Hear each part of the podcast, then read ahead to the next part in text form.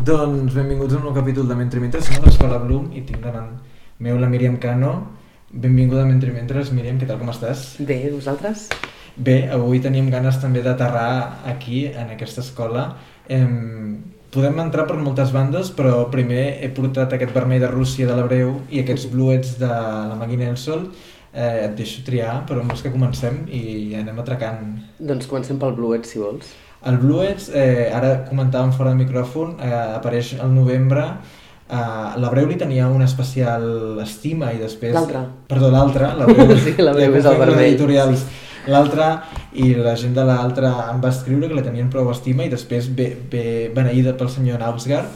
Si vols comencem així la gènesi, com t'arriba aquest text Bueno, el text m'arriba, com m'arriben molts textos per traduir, a proposta de l'Eugènia Brogi, de, de l'editora, que jo crec que l'Eugènia té com, una, com un ull molt especial per triar quin traductor, sempre que tingui disponibilitat i així, eh, farà, farà cada llibre. Eh, ja, ja em va passar quan vaig traduir La casa de Mango Street de la Sandra Cisneros, que va ser la primera traducció que vaig fer amb, amb l'altre, que va sortir amb l'altra tribu, ja va ser un llibre molt, molt especial que em va enganxar en una època també molt, molt especial per mi. I el Bluets, d'alguna manera, eh, també. El Bluets és un llibre eh, molt poètic, eh, una, una mena d'homenatge al Tractatus de, de Wittgenstein, eh, que acaba sent eh, un recull d'aforismes eh, sobre el color blau i el desamor. I t'ho deia també fora de micro, no? és un llibre que, que és complicat a nivell de llenguatge i per tant t'obliga també a ficar-te dins d'un univers molt concret que quan hi estàs immers durant molts dies, eh, moltes setmanes,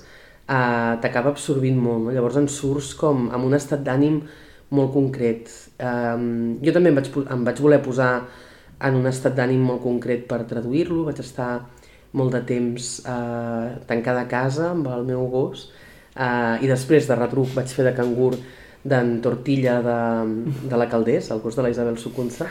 Total, que estava amb dos gossos acabant de traduir el Bluets eh, l'estiu passat i va ser una experiència que per mi és difícilment um, destriable, diguem-ne, de, del moment, no? d'aquell final d'estiu, um, però diria que aquesta sensació sempre la tinc quan acabo una traducció, que penso, la lligo molt a un moment determinat de, de la meva vida, no? jo he traduït poc encara, però crec que els deu passar a tots els traductors, no? que com que és una, copa, una cosa que t'ocupa tant de temps eh, doncs al llarg de, del, del temps que hi treballes eh, l'acabes lligant molt a una època. Mm -hmm. um, hi ha aquesta preeminència del color blau, parlem-ne de com apareix en la novel·la, perquè podia semblar per una mica com també em va arribar a mi el llibre, que era una mica de presència que podia molestar fins a cert punt o era simplement formal, però li dona molt més el joc, mm -hmm. diguem-ne.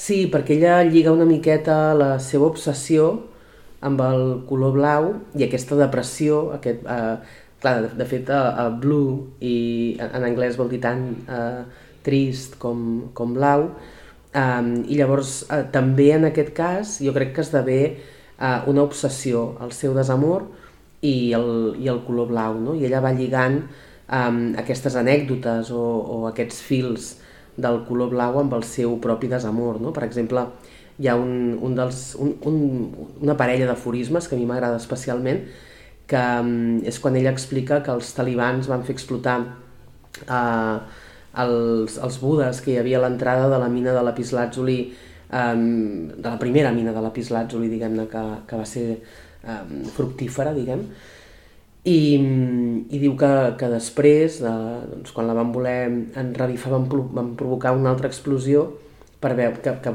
que provoqués un, una, una mena de torrent blau, no? I ella lliga eh, aquest torrent blau amb el moment en què l'objecte del seu desamor va entrar a la, a la seva vida, no? diu, quan tu vas entrar a la meva vida també vas provocar eh, aquest torrent blau, no?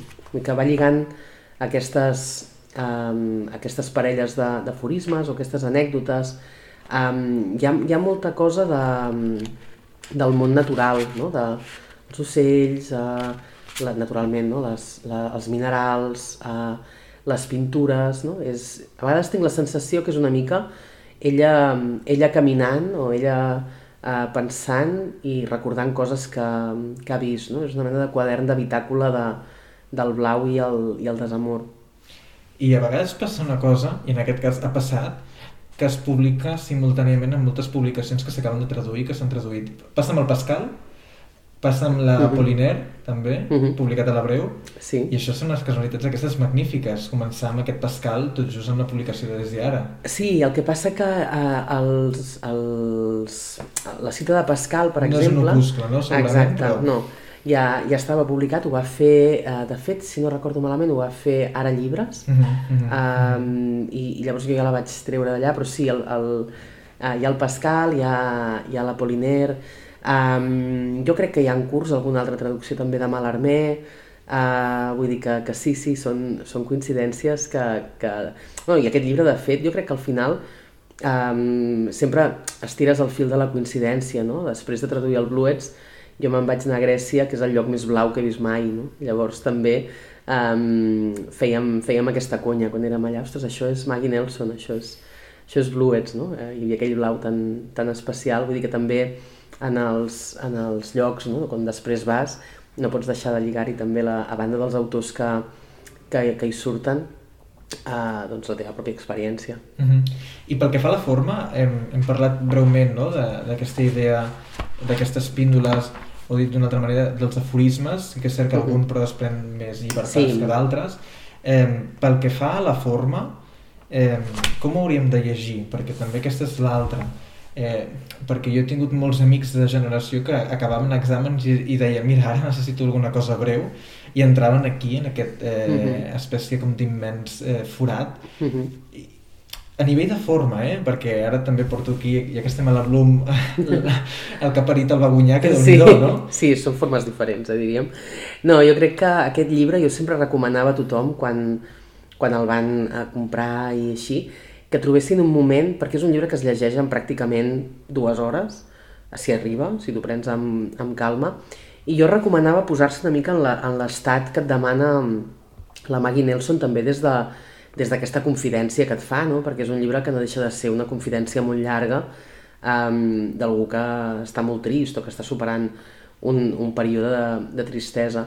I llavors, jo més que, més que uh, en la forma, jo crec que hi ha dues maneres si vols llegir el llibre d'una tirada, jo crec que hi has de dedicar dues hores eh, senceres, un diumenge a la tarda, amb aquell esperit de diumenge a, eh, a la tarda, una mica hivernal fins i tot. I després hi ha una cosa que a mi m'agrada molt fer amb el Bluets, que és agafar un aforisme a l'atzar i llegir-lo, i a veure què, no? una mica com fent bibliomància, no? a veure que, quin aforisme em trobo avui. Sí que és veritat que hi ha certs aforismes que t'obliguen a anar al d'abans o al de després per acabar de, de lligar una mica la, la història. Però jo sí que aquesta primera lectura sempre recomanava a la gent que la, que la fessin des de, allò, en un moment en què el poguessin llegir d'una tirada, no? perquè també, com que és un llibre que et posa en un estat d'ànim determinat, eh, crec que l'experiència emocional de lectura és molt concreta si, si t'hi submergeixes del tot. No? Uh -huh, uh -huh. No sé si podríem fer aquest exercici i triar-ne una Alexar. Últimament demano a tothom que passa per mentrimetres que em llegeixi coses. Va, farem una... A veure... He agafat els... He vist el 154.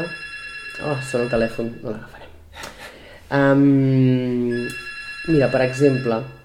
Um, agafarem el 154. Diu... És temptador mirar d'establir alguna mena de narrativa de la maduresa a partir d'això amb el temps ens fem més sobris i deixem enrere el nostre amor desfermat per la intensitat. El vermell, per exemple. Més tard, aprenem a estimar coses més subtils, amb més subtilesa, etc. Però el meu amor pel blau mai no m'ha fet sentir que estigués madurant o refinant-me o establint-me. De fet, es pot mantenir una imprudència cromofílica en plena maduresa. John Mitchell, per exemple, escollia habitualment els pigments per la seva intensitat abans que per la seva durabilitat – una tria que, com saben molts pintors, pot deixar, amb el temps, algunes pintures, en un deplorable estat de decadència. Se n'escapa l'escriptura d'aquest fenomen? Mira, així aquest a l'atzar, sí, sí, no?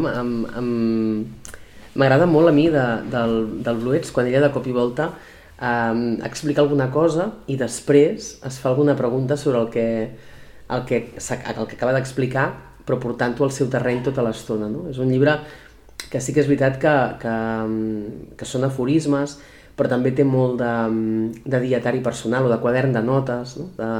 Llavors ella es va fent preguntes per intentar comprendre um, la seva situació personal, no? a partir de, de les anècdotes o a partir de les seves pròpies vivències o de les vivències dels altres, perquè hi ha un personatge al Bluets que el travessa del tot, que és l'amiga la, que acaba de tenir aquest uh, accident i, i de què ella té cura, no? que d'alguna manera és el seu vincle amb la realitat no? i amb, amb els problemes, diguem-ne, uh, reals. No? Mm -hmm. Jo recordo una experiència veient el, el blau del mar, però aquest em vincula més amb, amb aquest vermell de Rússia que hi ha a Caldes d'Estrac, en aquest festival de Caldes d'Estrac, mm a, la, a sobre de la, de la Fundació sí, Palau i Fabra. Els jardins meravellosos. Que et van convidar l'estiu passat sí. a llegir aquest poema mm -hmm. i van recitar fins a tres persones diferents poesia abans de que cantés la Maria Arnal, recordo. Sí. I jo recordo que vaig sortir fascinat també eh, com, com vas incorporant el discurs, però no només la, el recital, i també amb la tranquil·litat, però la veritat amb la calidesa amb què etzibaves eh, amb un to també sempre irònic, no? Sí. No us penseu en aquest vermell de Rússia, no? Que és un, és un to de pintallavis. Sí, sí, és, és, de fet és el, el vermell de Rússia és, és un color de pintallavis, um, que és el que jo em vaig posar quan vaig decidir que, que em posava com una mena de pintura de, de guerra, diguem-ne, no? perquè a mi sempre m'havia fet molta vergonya pintar-me els llavis, perquè cridava molt l'atenció i jo tendia més aviat a, a recloure'm, no? O a, o a intentar passar desapercebuda i en el moment en què et pintes els llavis de vermell ja mm, no, no, no passes desapercebut, diguem-ne. I llavors um, m'agradava molt a més a més el, el color, no? vermell de Rússia, tots, allò, el blau de Prússia, um, o el blau Klein, no? els noms de colors són molt xulos, però el vermell de Rússia m'agradava molt com sonava. I, i sí, bueno, a mi els recitals, i a mi m'agrada o necessito fins i tot tenir aquesta mena de conversa amb, amb la gent que m'escolta, no? perquè en el, en el fons, almenys en el meu cas, estàs llegint una cosa molt íntima. Llavors, eh, si no coneixes la gent o, o no els has fet una mica de confiança, eh, de vegades es fa molt difícil poder explicar-los segons quines coses que de nou eh, ells no les deuen estar sabent o no les deuen estar intuint però, però fa una mica de cosa sempre, no? Més, si, si ets, jo, jo ja, ja sé que no, no, no pot semblar primer cop d'ull, però sóc una persona força tímida i llavors la, ja fa temps que, que recito en públic i que, i que em poso davant de càmeres i micros i tot plegat, però quan has de llegir coses teves, déu nhi no? No és, no és senzill. Llavors jo sempre intento establir aquesta, aquesta conversa o aquesta connexió i una mica riure de, de tot plegat, no? Jo era aquell, aquell personatge de, de, de Hannah i les seves germanes, o de Misteriós assassinat a Manhattan, ara no recordo quina, que deia mm, que comèdia és igual a tragèdia més temps, i, i llavors, clar, un llibre de, de poemes sempre és uh, la història d'una reconstrucció, els meus poemes d'aquest llibre són més aviat tristos, no? llavors arriba un moment quan el llegeixes en públic ja te'n pots una mica de tot plegat, no? ja pots intentar buscar la connexió amb qui t'està mm, escoltant i dient que això tampoc no és tan, no és tan important, no? I no sé si podríem fer exactament el que hem fet de... Avui jugarem a les cartes constantment i a més tenim més convidats que ens portaran més sorpreses, però sí que és cert que això... Aquest, mira, justament els hi dedico en Borja Bagunyà i en Víctor García Tur, i es diu Glossolàlia, i diu hi havia tanta gent que no sabia per què omplir aquell indret sense funció ni esma, i tu i jo érem allà, fent part de la litúrgia, però no ens n'havien dit res d'aquella nova fe que tothom anunciava feta carn i vidre. Era una concòrdia estranya, una comunió de calç de buit i parra sec de dies, un cos mort que calia venerar sense preguntes en una cerimònia d'aparences i miratges, amb llavis que fingien saber-se les pregàries. En deien glossolàlia, però era por de no ser-hi, de perdre qui sap què, de no ser quin oblit, no calia entendre's, només a sentir i riure, quedar-s'hi pel que fos, que era i no era. Quan vaig sortir d'allà, tu m'hi esperaves, i vam quedar-nos fora tanta estona que vam oblidar els càntics i els sermons i vàrem escarnir les profecies. Quan ja no ens creiem res, allà al carrer, vam apagar el foc d'aquelles llengües i així vam conjugar una parla nova que ja mai més ningú va poder entendre. Ara has fet referència, no? Una mica, deixa'm-ho dir així, aquestes violències que generen, no? Des de col·locar-te, no sé fins a quin punt des de col·locar a, a recitar poesia, però sí des d'obrir una mica la intimitat. Uh -huh. eh, avui que som aquí a la Bloom també m'agradava, o volia preguntar-vos, sobretot a tu, ara us considereu també que estàs, o tu en aquest cas, estàs en un punt d'exhibició? Eh, és complicat, clar, però des del moment en què, en què publiques per primer cop, uh -huh. eh, tens aquesta, aquesta doble um, sensació, no? d'una banda, com que jo al final, si em diguessin per què escrius, jo diria perquè m'agraden molt els llibres, no? perquè m'agrada molt llegir, i llavors uh, no diria allò de no, perquè crec que tinc coses, en absolut, jo, jo crec que escric perquè des que era petita els llibres han sigut gran, una part molt important de la meva vida. Llavors, clar, quan comences a publicar, a tenir un llibre teu a les mans fa una il·lusió increïble. Llavors, sí que és veritat que, mm, que clar, si publiques t'exposes, però és igual, com qui fa cinema, com qui eh, fa una obra de teatre, eh, com qui pinta un quadre i el posa en una, en una exposició, no? sense art, és, és a dir, sense espectadors i sense exhibició, no hi ha art. No? Mm -hmm. um, la meva postura seria aquesta, algú diria, no, no, l'art existeix uh, per ell mateix i sense que ningú el vegi, no? però no comença a ser art fins que, fins que no l'ensenyes a algú, ni que sigui una sola, una sola persona i per tant no t'exposes a, la, a la crítica. En el meu cas, a més, clar, això va per diferents llocs, va per la vessant de traductora, per la vessant d'escriptora, per la vessant de periodista cultural um, i per la vessant de la, de la docència també. Clar, és un preu que has de pagar. Jo moltes vegades no voldria només voldria estar amb els meus amics, no? com tothom, suposo. Vull dir que com tothom que, que fem coses, hi ha moments en què dius, ostres, uh, no? l'exhibició, més encara en el, en el temps de, que vivim, no? que les xarxes socials són tan um, importants i tenen tanta, imp tanta presència. Um, quan jo vaig publicar algun Sunstein, el meu primer llibre, amb prou feines, uh, hi havia Twitter o Insta, Insta, Instagram crec que no existia, hi havia Facebook, no? que ara ja no hi entra ningú i per tant jo he viscut aquesta exposició una mica gradualment. Uh, sí que és cert que, que cada cop estic una miqueta més, més lluny de... Principalment perquè les xarxes és una cosa que, que si jo que, jo que tendeixo a encantar-me, et prenen molt de temps um, ràpidament.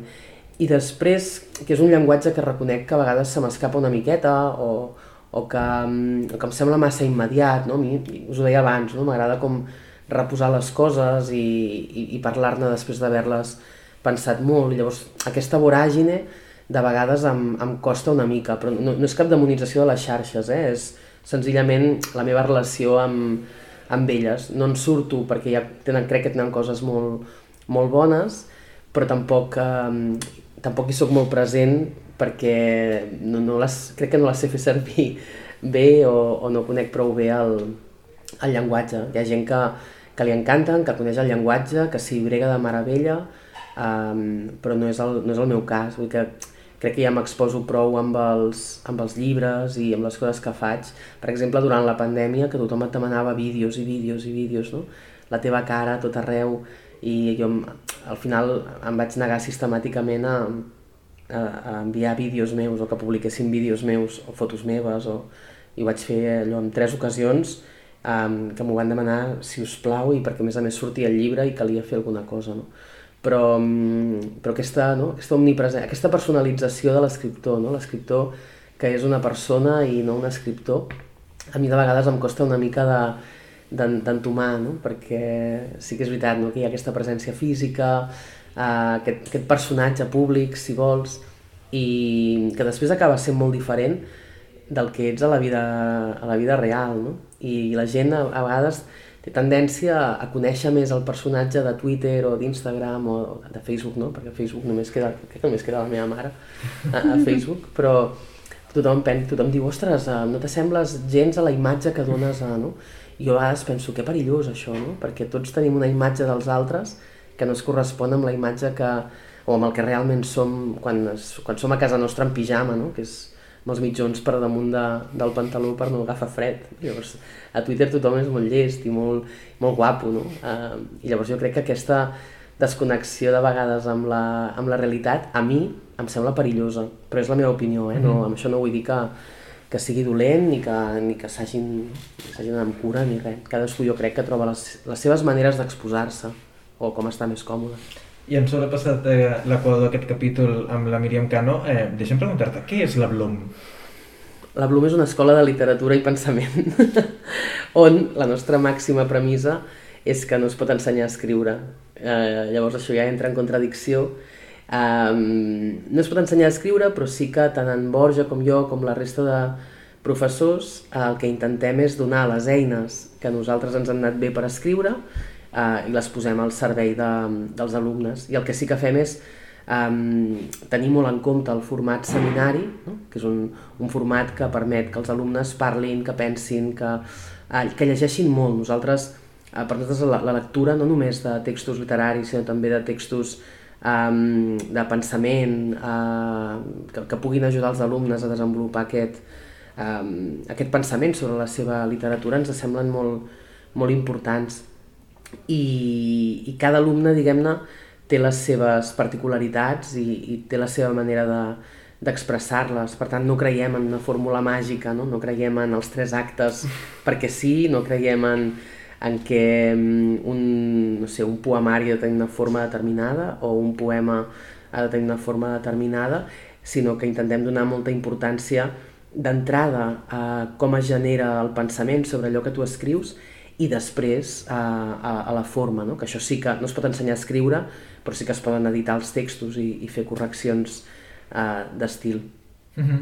I en relació a això que ara estàvem comentant i del pensament, en tot cas, dels mètodes, uh -huh. uh, i la universitat, -huh. justament aquí hi havia una declaració d'intencions en el volum del Borja. -huh. eh, tu també hi has passat per la universitat i d'escoles d'escriptura sempre n'hi ha hagut, però per entendre'ns, el, el que està passant per la Bloom, per entendre'ns, ahir que hi havia gent aquí deliberant uns premis o la publicació, no? en aquest cas dins d'una revista, sí. per entendre'ns, dit així, aquí passen coses, per entendre'ns. No? Bueno, així. clar, la nostra intenció és que aquí a l'escola passin coses. Ens encanta ajuntar gent diferent, gent que està fent coses també, tenim un espai molt maco que ja ho veieu, no? que, que s'ha d'aprofitar i ens agrada molt estar en contacte amb, amb gent de, tant del món de la literatura com del pensament, amb editorials i, i, i amb tot plegat. No?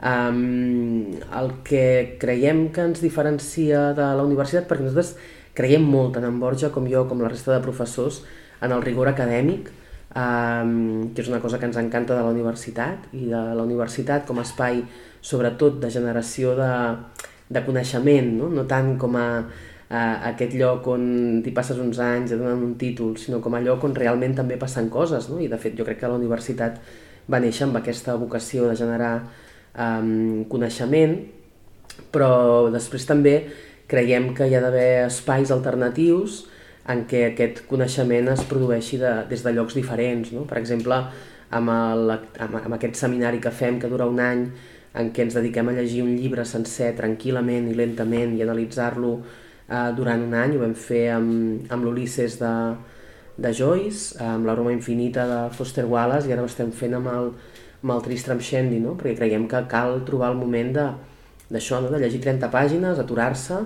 i parlar-ne dues hores eh, cada 15 dies i, i arribar fins al final amb aquesta experiència de lectura lenta que sovint altres, eh, en altres llocs senzillament no és possible per una qüestió de, de temps.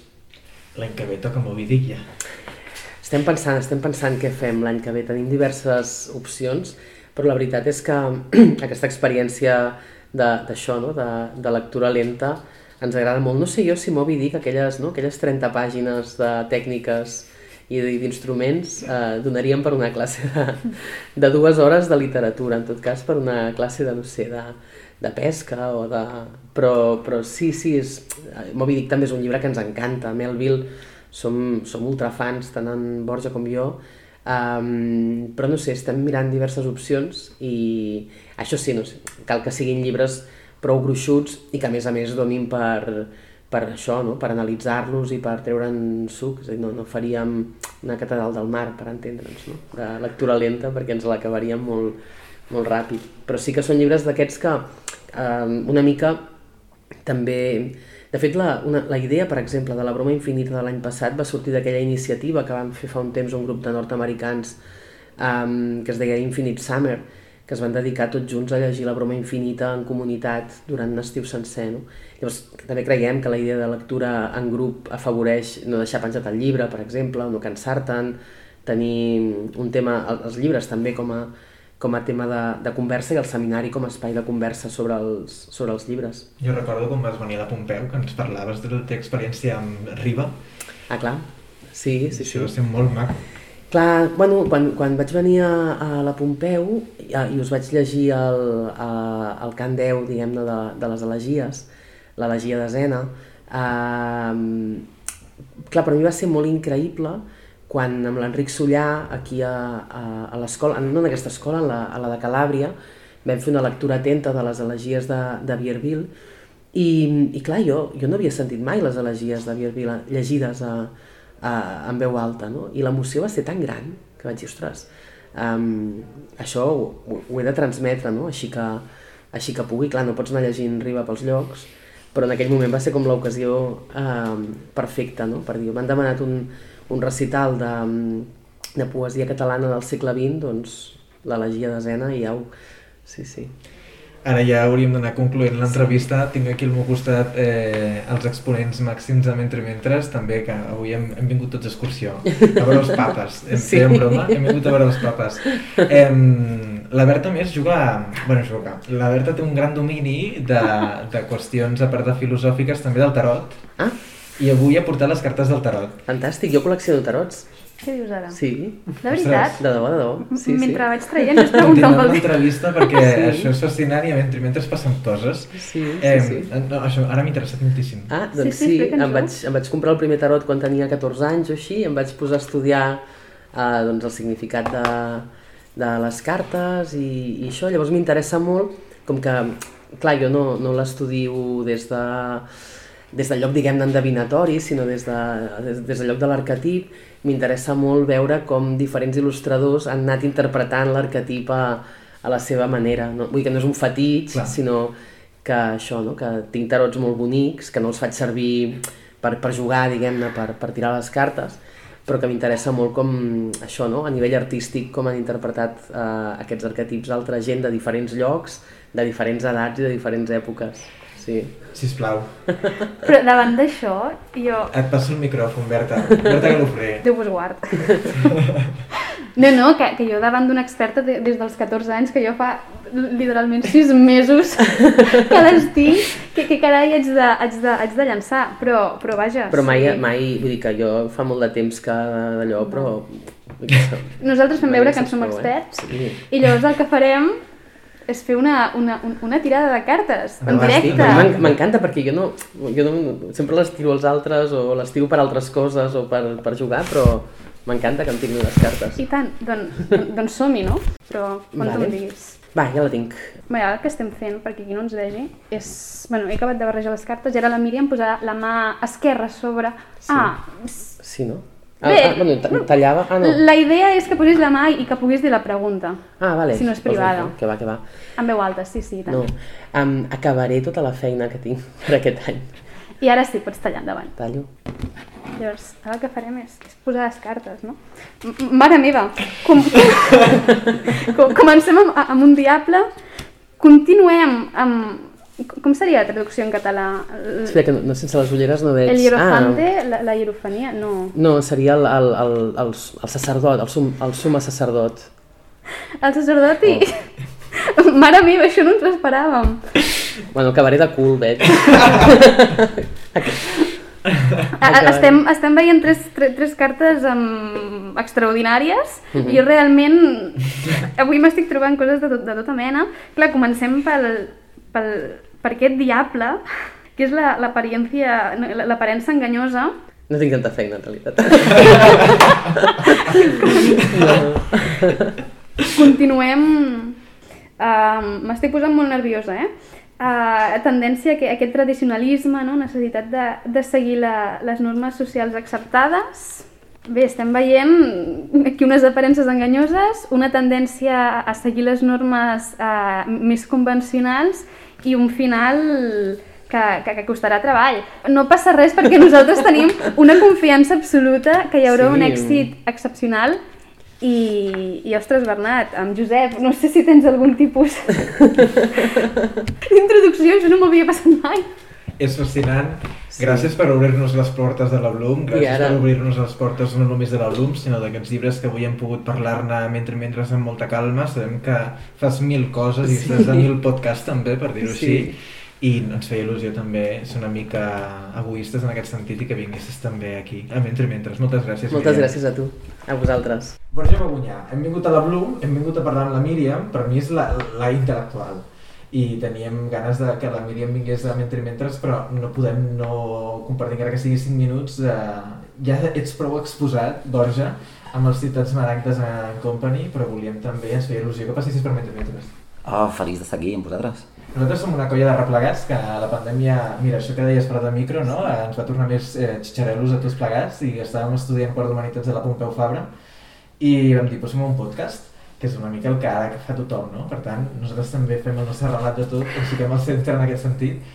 I avui tenia ganes de, de parlar amb tu. Eh, porto els angles morts, porto també eh, aquest volum que ha sortit de, de literatura comparada al aquest de literatura, però jo et volia preguntar d'una cosa, i, i ja els hi he dit eh, abans, um, tu et vas petar la historiografia de teatral catalana en 30 segons, en un Ciutat Maragda, no sé si ho recordes, parlant de, a nivell de codis teatrals, la idea d'assumir i sobrepassar no? la, un fenomen de realitat, o no sé com ho has venia a dir, del Benet Jornet, vas dir una cosa extraordinària, que no sé fins a quin punt, jo que vinc del món del teatre, això s'assumirà o diran, eh, això que va dir el Bagunyà aquí, no?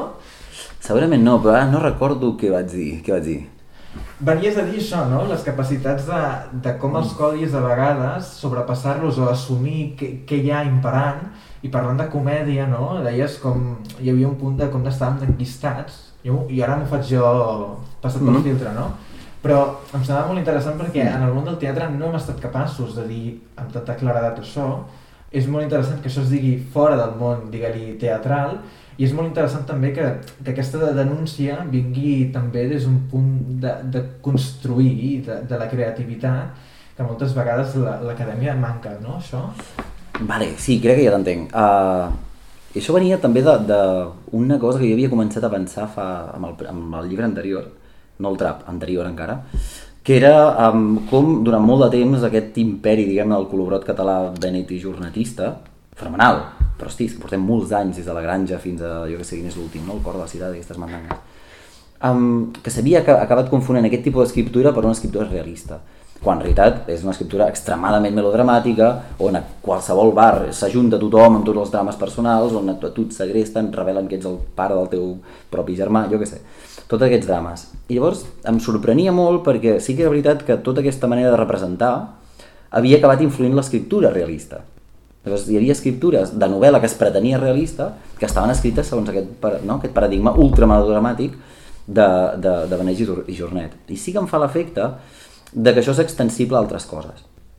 No, per exemple, hi ha un tipus d'humor, no? d'escriptura humorística, que està tan pautada que ja saps on caurà la respiració, saps quan, ja anticipes quan t'arribarà l'acudit, etc etc. no? Dius, ostres, sí que és molt interessant que qualsevol teoria del realisme en realitat és una teoria de l'accés. Com, sobreir, com fer sobreeixir aquest, aquest codi que ja hem naturalitzat. I normalment sempre és introduint alguna cosa de més, algun ritme desproporcionat, algun tipus de, de, això, de deformitat, no? d'excrescència. Avui hem vingut aquí amb la Míriam perquè ens ensenyi, no?, que és l'escola. Com esteu aquí amb l'escola, també, vist en perspectiva? Perquè aquí ara passen premis Mercè Rodoreda, no? Passegen per aquí i després aneu a fer birres i aquestes coses, no? pues estem molt contents perquè la veritat és que quan vam muntar aquesta escola amb l'Alana Bastasic, la idea que vam tenir tots dos, perquè els dos estàvem escrivint, bueno, els dos seguim escrivint, era una mica muntar la mena d'escola que muntaríem per nosaltres, és a dir, la mena d'escola a la qual nosaltres aniríem, cosa que volia dir muntar un tipus de lloc que interpel·li la gent no des d'una mena de paternalisme o d'una condescendència de dir, bueno, tu ets client o ets alumne i nosaltres som els que sabem. No, és una comunitat d'iguals. I llavors aquí vam començar a tirar des d'aquí, des del disseny, des de, ja veieu, l'espai és un espai perquè t'hi estiguis a gust. No, no, no, intentem que no sembli una acadèmia o que no sembli una escola, no? Però que puguis mantenir un, un treball rigorós. I llavors el que tenim una sort molt gran és que justament els Premis Mercè Rodoreda venen a treballar amb nosaltres. És a dir, estan venint gent que escriu molt bé i que té coses molt serioses a dir. Doncs nosaltres treballem amb ells, però um, crec que hem aconseguit, i aquesta és la felicitat dels últims anys, crear un espai, fer un tipus de propostes i proposar una mena de treball que, que interpel·la justament a, a escriptors. Mm -hmm. A tall d'epíleg volia preguntar-te, ara que comencen a aparèixer edicions estranyes i ja que estem una mica tots tocats de l'ala, tu creus que, i ara estem parlant de negocis, eh, Borja, eh, si algun dia presento a una editorial una recopilació de tuits teus amb molts parèntesis i amb moltes notes a peu de pàgina, com ho veus això? Tuits en parèntesis i notes al peu. Endavant. Endavant. Per presentar, que no quedi. Doncs Borja, eh, volem, volem formar part d'aquesta festa que és aquí a la Bloom i no sé, vindrem aquí a fer, a, a fer d'alumnes i algun dia farem un curs de, de podcast a literatura catalana quan ja tothom tingui el seu podcast i ja les subvencions siguin estrambòtiques, cosa que encara no passa. Encara no, però sereu benvingudíssims. Moltes gràcies Borja per res, eh, respondre'm aquestes preguntes i moltes gràcies també per obrir-nos les portes a la Bloom. De vosaltres.